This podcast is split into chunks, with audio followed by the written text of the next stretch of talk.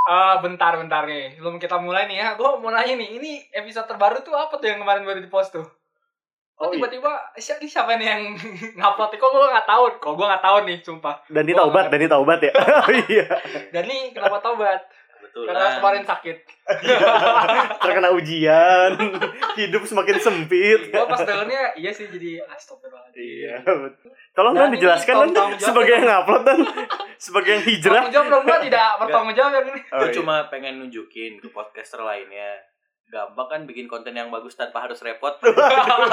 Upload Cukup. Ustadz aja. Cukup 5 menit. Di- Disclaimer nih ya, kalau gue kritiknya jadi bukan gara-gara apa namanya mereka ngepost ngepost tentang isi keagamaannya, Oke. tapi masalah ya tadi kalau ngepost cuman repost repost doang, ya nanti tidak ada konten dong. Iya. Gue lebih Anda ini hebat sekali bisa naik top podcast ini. Iya, Siapa makanya. Sih itu?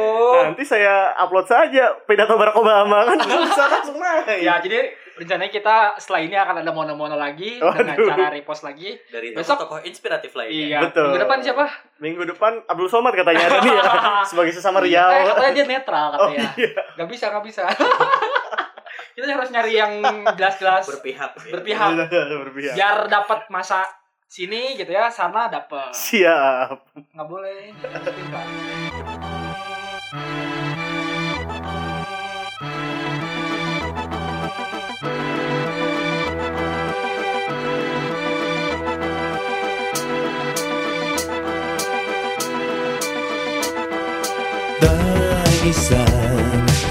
Sambut kebahagiaan Lahir sang buah hati wujud cinta manusia Bersujud Episode Mono. Jadi episode ini kita mau ngangkat apa, Riz? Nah, Jadi kemarin gue baru dengar berita eh, ada salah satu ketua komunitas namanya itu inspirasi. Gue lupa kepanjangannya apa. Dia Inspirasi. itu nyuratin KPU. Nah, KPU dapat surat lagi nih. Eh, dia tuh menyoroti eh, adanya berita eh, Gubernur Papua itu Bapak Lukas NMB yang bilang saya akan memberikan 3 juta suara Papua untuk Jokowi. Nah, Wih. ternyata setelah dibaca lagi itu eh Bapak gue lupa pokoknya dari uh, inspirasi ini menyorotinya adalah kok bisa gitu seorang gubernur Papua mengatakan hal seperti itu karena dia mengkhawatirkannya itu adalah coba kilas balik ke pilpres 2014 jadi waktu Hmm. itu di Papua ini kan memang ada di beberapa daerah itu khususnya di wilayah pegunungan tengah itu masih menggunakan namanya sistem token kayak gitu. Oh nah hasil dari sistem token ini pada saat lima tahun yang lalu itu eh, rentang beda suara itu gede banget. Jadi bener-bener dulu tuh kan eh, ada Jokowi JK dan Prabowo Hatta. Nah Iya, Jokowi JK ini nomor satu ini dapat 100% 100% Oh. jadi nggak nggak nggak kayak 99 Iya, iya, koma dapat satu ini benar-benar 100% 100 bulat gitu. ya. Nah, Iya, jadi iya. memang yang disorotin ini eh, jangan sampai dengan statement ini eh, mempengaruhi ini sih sebenarnya eh, apa orang-orang di Papua gitu para pemilih khususnya yang memang eh, wilayah masih menggunakan sistem noken kayak gitu. Maksudnya Itu. noken ini apa sih? Kenapa orang setakut itu dengan sistem noken?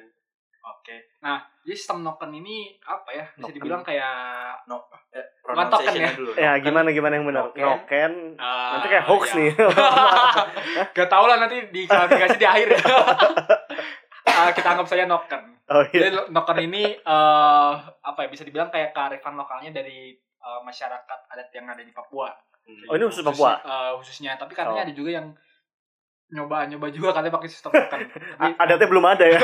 Nyoba dulu. Waduh. biar biar beda gitu kan kayak TV One. Nah, si noken ini memang udah lama sih. Eh, katanya udah dari tahun 71 sekitar 71. Nah, Oke. tapi kalau kita kita kilas balik ke selama lima tahun ke belakang ini memang sistem noken ini noken itu ini sih kayak su- suatu kain dari kulit kayu gitu nah nantinya kalau pada saat pemilu teknisnya ditempel gitu di apa di eh, tongkat tongkat kayu gitu Oh, Heeh. ntar ditempelin di sana Kalau Nah. gampangnya Oh. ini sih, kalau lu pernah lihat tote bag anak indie, Tuh, Nah, kayak gitu kayak gitu. mana, kayak mana. gitu tapi dari apa tadi Kulit kayu. kulit kayu Oh, betul. Yang intinya hanya menggantikan itu kan. Menggantikan- Kotak KPU tadi kan. kotak, Kotak- kotak kar- suara kardus. Iya kardus itu kan. Mending pakai itu tapi kayaknya. kuat jelas Iya. Ya, terus, anti terus, air terus. bedanya selain Ah, tidak pakai kotak, Iya. pakai noken? Nah, Itu masih sama lah Yang kan? bedanya gini, jadi ada ada ada dua sistem juga. Jadi noken ini eh, ada yang kayak gini pertama. Kalau di eh, pemilihan kepala daerah terakhir itu gini. Heeh. Misalnya di- si calon kepala daerahnya itu ada tiga misalnya.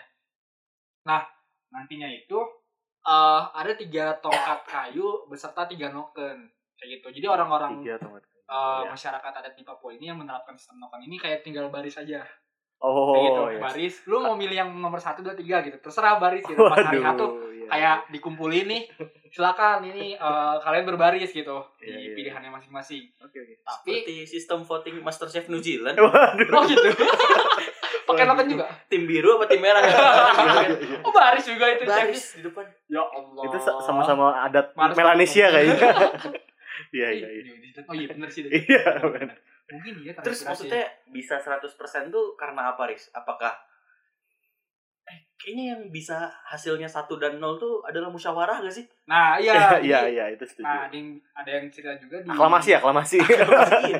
nah iya emang Iya. jadi kayak aklamasi sih jadi ada juga eh, kalau untuk pileg pileg dan apa pilpres ini sistemnya musyawarah karena apa kalau pileg gue kurang paham sih kenapa pilpres mereka musyawarah ya Aha. bisa sampai jadinya apa beda suaranya tuh bener-bener gitu ya Tidak jelas. beda suara itu. Ada suara Iya, dan tidak ada iya. suara. Oh, iya, iya. salah ya itu kayak Intinya- suara atasan suara Tuhan itu ya kan Kayak ini aja Pak lu lagi nongkrong berlima teman lu Iya, iya. minum apa? Es teh manis. Gue juga deh, Gua gue juga, juga, juga, deh. iya, jadi iya. gak ada yang gak ada yang lemon tea gitu Nggak ada, iya. yang lemon tea, ya, oke nah nggak tahu kenapa ya kalau pilpres tapi kalau di pileg ini eh, dulu tuh sebelumnya sebelum 2019 itu kan banyak ya kalau kemarin 2014 tuh ada 10 ada nggak sih partai itu ada ya? 2011. 11 ya ya sekitar segitulah. Maksudnya kan banyak ya kalau misalnya dijajarin tongkat kayu 11 gitu kan pusing mungkin ya. Belum lagi dari 11 itu kan masih ada lagi kan. Kan ada calegnya, Pak. iya nanti tambah lagi caleg Ma- masuk masuk ke caleg. Lima lima lima. Masa dibikin lima puluh lima tongkat kayu? Lama-lama main game itu. Masuk masuk. makanya ada juga eh, ketika sebelum hari H pemilihan tuh katanya musyawarah dulu. Nah, Oh. gitu. jadi dipimpin kepala sukunya mau milih siapa nih kita partai mana dulu gitu ya Hmm. baru orangnya siapa gitu. Nantinya setelah hari H dari panitia PPS-nya ya Hmm. panitia datang ya udah ada hasilnya. Tinggal dibuat berita acara gitu. Gitu. Nah makanya eh kemungkinan eh, bisa terjadi apa ada dan tidak suara itu waktu Iya, 2014 itu karena itu gitu. Memang Hmm. mungkin juga terpengaruh. Nah jadi si eh, orang-orang teman-teman kita dari inspirasi ini menyorotnya gitu. Khawatirnya adalah eh, ketika pemimpinnya udah ngomong gitu biasanya kan terpengaruh ya. Ya, nah ya. apalagi memang kita nggak bisa pungkiri itu eh, apa ya adatnya itu masih kuat gitu. Kepercayaan akan kepala suku semua eh, hal itu keputusan tertingginya gitu ya ada di kepala suku kan. Ya. nah bahayanya ini ke- ketika kepala sukunya belum bisa belum bisa apa ya eh, masih ya intinya masih banyak terpengaruh sih dengan yang lebih tinggi kan kayak gitu. Mungkin kalem kalem berarti itu pas milih mereka kan ketahuan kan? Tidak ada asas eh, apa namanya? Berjurdil. Lo ber- ya, Nah, berarti iya. apanya? Rahasianya doang ya nggak sih? Berarti, nah berarti itu ketahuan ya? bedanya katanya kalau di Papua ini namanya lubet. Eh, apa? Terbuka ujungnya pasti. nah ya terakhirnya apa? terbuka. Gimana? Langsung Terakhir umum terbuka, jadi Heeh. eh, tetap terbuka. terlihat jelas kan? Eh, akhirnya Terbuka. pilih siapa kan? Disebutkan dengan jelas kan? Nah dan memang sebetulnya sistem noken ini sudah diakui oleh MK lewat putusannya waktu tahun 2009 Hmm. jadi eh, legal gitu secara secara hukum ini legal kayak gitu Ya, cuman yang disoroti dari teman-teman inspirasi ini kok eh apa ya bahasa kasarnya KPU kok nyari aman gitu Ya, jadi untuk mengiyakan 2014 kejadian seperti itu gitu. Kalau kita berbicara pilpres atau kalau pileknya seperti apa ya? Apakah sampai tidak ada suara juga gitu ya? ya, ya. Ada keber apa keberpihakan ke salah satu partai misalnya.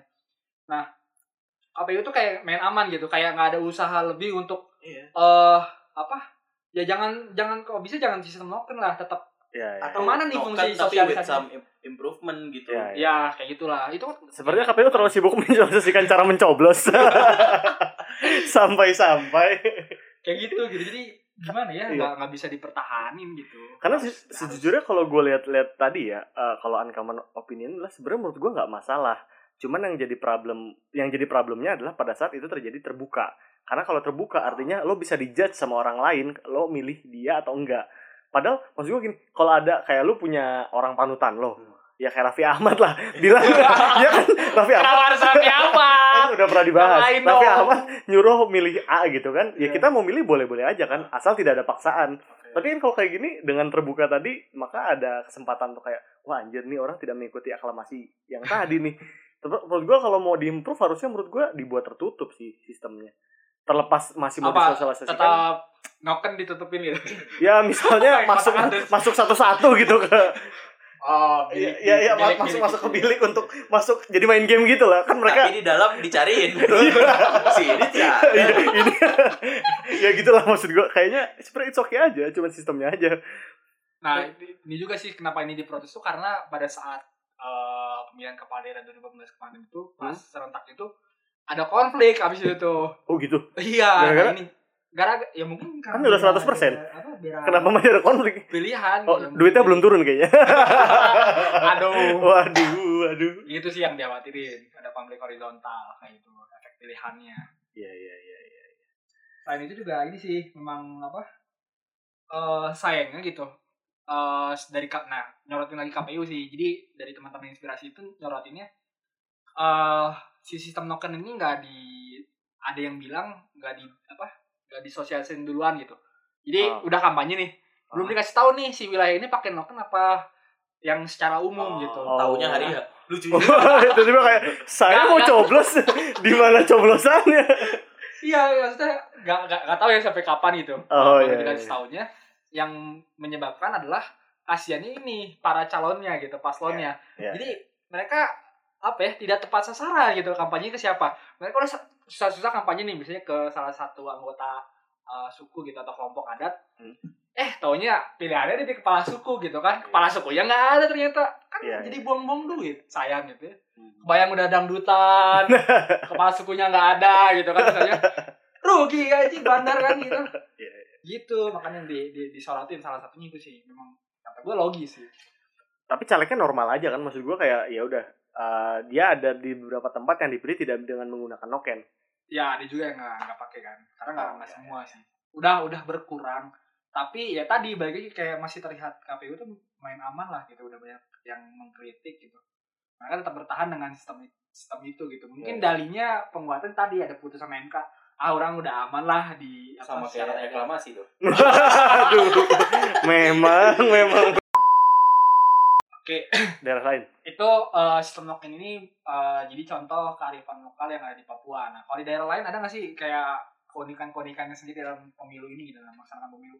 Kalau yang gue pengen angkat itu bukan sistemnya yang unik sih, tapi kebesar hatian mungkin. keberhatian Ke sama yang baik besar hatian kelapang dadaan.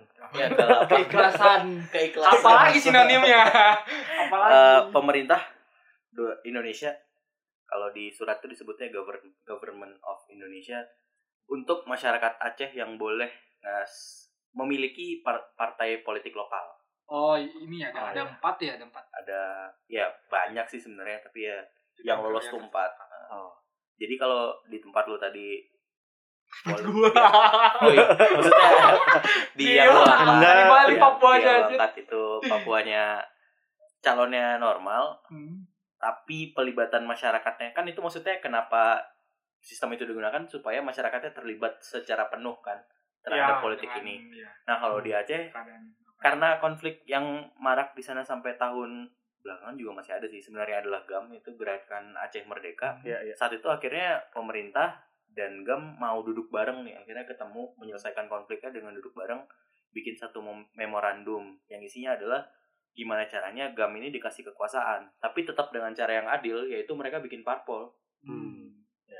Ya, mereka di- bikin parpol ya kalau emang sanggupnya se Aceh ya udah se Aceh aja partai lokal Aceh. Nah akhirnya dari pemilu 2009 itu udah mulai Aceh itu punya mulai 6 eh 6 partai lokal tapi yang lolos threshold cuma satu. Thresholdnya berapa ya? Sama. threshold, yang lolos ini. tiga setengah persen. Oh, tetap- tiga setengah oh persen. itu kapan Tetap sama. 2009 Tetap sama ya, tetap sama ya. tetap Oh. sama tiga setengah Siapa tuh mereka dua setengah persen kan zakat. Emang suka sampai menyinggung. sana. Sangkain. suka menyinggung ngomongnya Terus Terus tapi si partainya menang 45 persen boy. Hah? Si partai di- lokal di Aceh, di ini. Aceh. Iya. Mereka Wah, menang gila. 45 persen. satu partai apa Satu total? partai. Oh, ada satu partai yang dominan gitu. Satu partai dominan Oh. menang 45 persen. Hebat Nah. juga. Jadi yang Gila sedang diupayakan pemerintah adalah oke kalau lu merasa butuh otonomi daerah dikelola secara khusus, tapi bukan dengan lu bikin pengelolaan sendiri. Lu join ke kita, bikin instrumen yang lu butuh.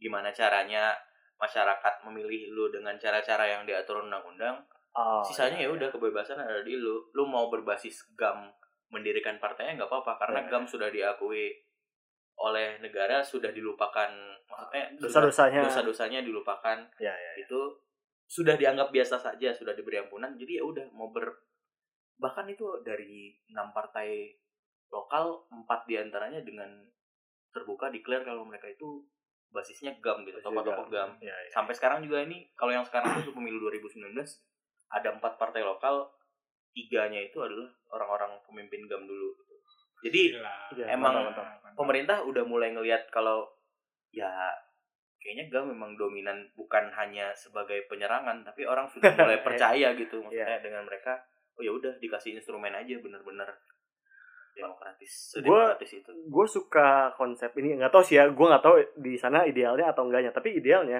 maksud gue kayak setiap gagasan yang dipunya oleh suatu kelompok itu maka itu boleh saja diapungkan ke permukaan lalu men-challenge gagasan yang udah ada saat ini. Nah, maksud gue kayak itu kan pemberian gagasan sana kayak Iya. "Ya udah lu punya gagasan apa? Sok bawa aja kita ta- tarung fair aja gitu. Hmm. makanya hilafah harusnya seperti itu juga. Di fair fairin aja dong. Bang, kenapa bang, takut takut eh tapi ngomong-ngomong tapi gue tuh masih ini gue aduh. Apa? Sudah minggu lalu episode ceramah.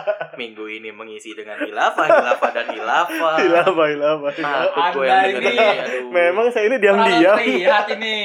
Aduh. tapi poin penting tadi yang lebih eh, diambil lagi adalah bahwa ya udah nggak eh, kita udah punya sama-sama sistem yang eh, kita punya sistem yang sama nih terlepas dia balik lagi lah terlepas dari kontennya apa yang penting kita ikutin lagi dengan eh, sistem yang sama lah terus mari kita bertarung lagi kalau boleh ngulang Ya. kalimat gue yang sebelumnya maksud gue hmm, berarti kan kita ngeliat fenomena nih Hmm. Iya gak sih gue nggak tahu gue gue lihat di Paris berarti ada suatu contoh sistem yang eh, udah lama diterapkan kepada lingkungan yang baru. Ya. Nah, sementara di kasus yang Dani, berarti itu adalah uh, sistem yang baru diterapkan pada lingkungan yang lama. Ya. Iya nggak sih? Hmm. Berarti kan sebenarnya kayak apa ya?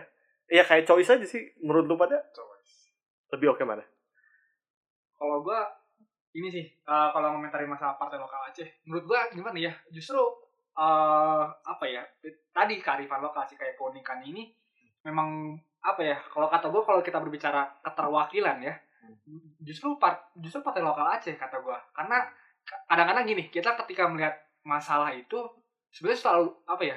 Orang bilang "Ah, kita harus cari solusi, kita harus cari solusi gitu. Hmm. Nah, kalau gua lihat terkadang tuh kita tuh sebenarnya udah punya solusi gitu tapi kita kadang-kadang nggak punya nggak punya sejarahnya kita nggak tahu sejarahnya gitu kita nggak tahu nilai yang terbangun di daerah kayak gitu Hmm. itu yang Ya. uh, membuat justru keputusannya tuh bisa bijak di berbagai sisi sih kayak gitu. Ya, jadi apa ya gue mengapresiasi mengapresiasi sih. Jadi istilahnya ini benar-benar partainya benar-benar langsung dari rakyatnya gitu. Sedangkan kan kalau partai-partai kita uh, yang na- tingkat nasional ya kadang-kadang gini caleg aja caleg ini di Bandung.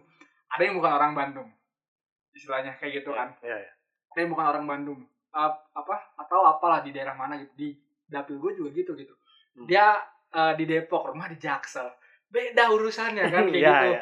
nggak nggak ini gitu jadi kayak Iya. apa kurang lah berarti kurang pesan dapat. lu sebenarnya gimana caranya meng- mengorbitkan orang lokal gitu ya, Ya, kayak gitu ya, itu jangan butuh punya butuh stasiun TV sendiri Benar sekali. itu kan di media ini kan politiknya gini iya maksudnya analoginya kayak gitu gitu, Iya, iya. iya. sebenarnya gue Apa? gue benci dengan argumen yang akan gue keluarkan sih Kenapa tapi tuh? Karena ini klasik sekali sangat tidak dani lah tapi memang dari Ini setelah, seperti apa? setelah, apa, setelah episode kemarin ya Iya, betul. luar biasa ini pencerahannya Langsung Mas berubah. Ini Iya, hijrah, hijrah, hijrah. tapi mau nggak mau gue akan eh, menurut gue solusi di tiap daerah kan akan beda-beda ya. Ya. kalau apa yang lo terapin di Aceh dibikin sama dengan di Papua justru nggak akan efektif sih menurut gue Yang di Aceh sama dengan di Iya, Papua. maksudnya oh iya. orang Papua dulu suruh bikin partai lokal, hasilnya adalah ya gerakan Papua Merdeka lainnya. gitu. Menurut Iya. gue ya. OPM, OPM. OPM. Oh ya, opera- operasi Papua Operasi Papua. Merdeka lainnya gitu. Itu hanya akan jadi dua atau tiga karena pencatatan dan lain-lain sangat kurang di sana. Kondisi yang tidak mendukung sebenarnya buat ya lu si Lukas NMB itu juga menang gue yakin kampanyenya tidak konvensional seperti kepala daerah lainnya gitu eh itu dia ini loh pas di quick count itu sempat kalah loh sebetulnya quick count Hmm. Oh, nggak salah ya gue pas ngikutin. Nah, kenapa bisa menangnya ini nih? Itu juga sampelnya susah sih, Pak. iya betul yang di gunung-gunung di sampelnya pakai Itu apa dia, Jadi ngecekin sangat sangat berbeda sih menurut gua solusinya. Satu solusi yang maksudnya satu solusi nggak bisa diterapin di semua daerah gitu. bisa solusinya khilafah by Felix Yao Dua kali. saya combo Eh, ini bukan tempat ajang deklarasi. saya combo podcast bersama konsisten. ini. Combo, combo. lagi saya. Ini podcast bersama ini. tapi buat nambahin ya maksud gua eh ter- nambahin juga tadi tentang yang sama Faris maksud gua eh, setuju juga sama kata kata Dani maksud mungkin gak harus sama persis bentukannya. Tapi konsep bahwa eh, apa namanya lingkungan yang lama dengan menggunakan sistem yang baru sepertinya itu yang harusnya dipertahankan sih. Ya sebagai contoh eh, ini ada ada berita-berita yang menyatakan bahwa kalian tahu nggak sih ternyata ada caleg-caleg Hmm. yang lahirnya atau datangnya itu dari masyarakat adat. Dan caleg-caleg tersebut itu masuk ke parpol Parpol parpol yang normal di ya, parpol nasional iya. Jadi kayak sistemnya pun ternyata mirip sama Noken. Karena jadi eh, kepala-kepala desanya mereka rum- berumusan sama warga desanya siapa yang mau kita taruh buat jadi masuk jadi caleg. Oke. Oh, Untuk dipilih lagi untuk nanti. ah, udah gitu udah apa namanya oh ya udah kita pilih si A gitu. Ya udah nanti si A dimasukin masukin ke partai masuk ke partai ya udah nanti jadi caleg dari partai tersebut. Menurut gua kayak hmm, itu menjadi hal yang baik sih. Kenapa? Karena satu harusnya ya parpol parpol parpol ngeliat ini artinya lo mendapatkan caleg yang otomatis sudah punya suara Hmm. Iya nggak sih Oke. udah jelas lo dapat legitimasi legitimasinya bahkan suaranya mirip suara Tuhan kan karena suaranya dari suara masyarakat adat ya nggak Bulat sekali. Betul. Itu suara yang jelek buat parpol sebenarnya. Ya tapi Karena kalau punya ya ya, Iya. lanjut, lanjut. itu dibahas di tempat lain. Iya, betul, betul. Tapi kalau seperti PSI yang butuh threshold, kenapa tidak? Siapa tahu kurang 1-2 persen, eh 0,1 0,2 kan Eh, lumayan. jangan salah Samara terpopuler lah. Dapil lah. Ini dapur, dapurnya selatan bukan ya? DKI Dua. dua dua. Dua, iya. Populer loh. Nah terus dari sana juga maksud gua ini kalau kemarin kita bahas golput ya, bukan Salimah Villa, golput. yang kemarin kita bahas golput. Bukan mono, bukan mono. bukan mono kita bahas golput bahwa ini pun sebenarnya salah satu metode yang uh, bisa metode yang kan kalau kita berpikir bahwa golput adalah bentuk ketidakidealan yang hadir atau yang muncul maka ini harusnya bisa jadi salah satu metode karena dengan ini uh, ya tadi lah mirip sama kayak tadi lu bilang orang Bandung eh orang Jakarta Selatan nyalek di Bandung nggak kenal. Kalau ini kan oh ini tetangga gua yang nyalek. Gua kenal orangnya udah hasil rapat adat gitu kan udah rapat tertinggi ya udah gue pilih dia.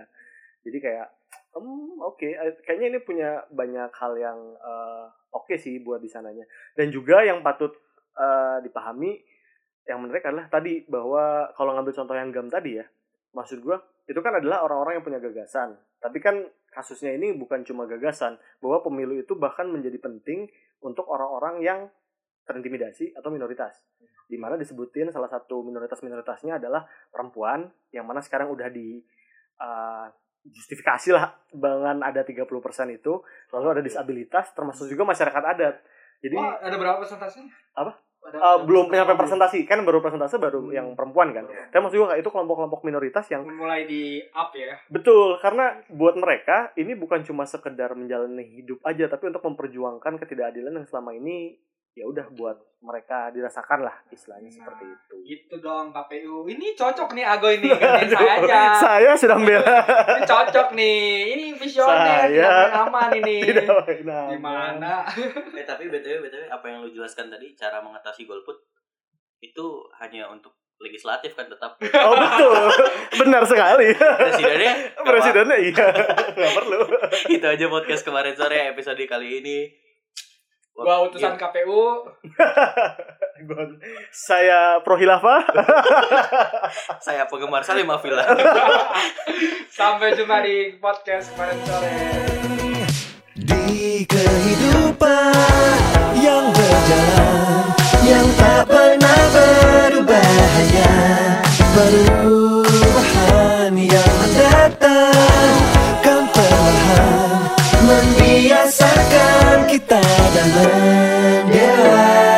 Girl.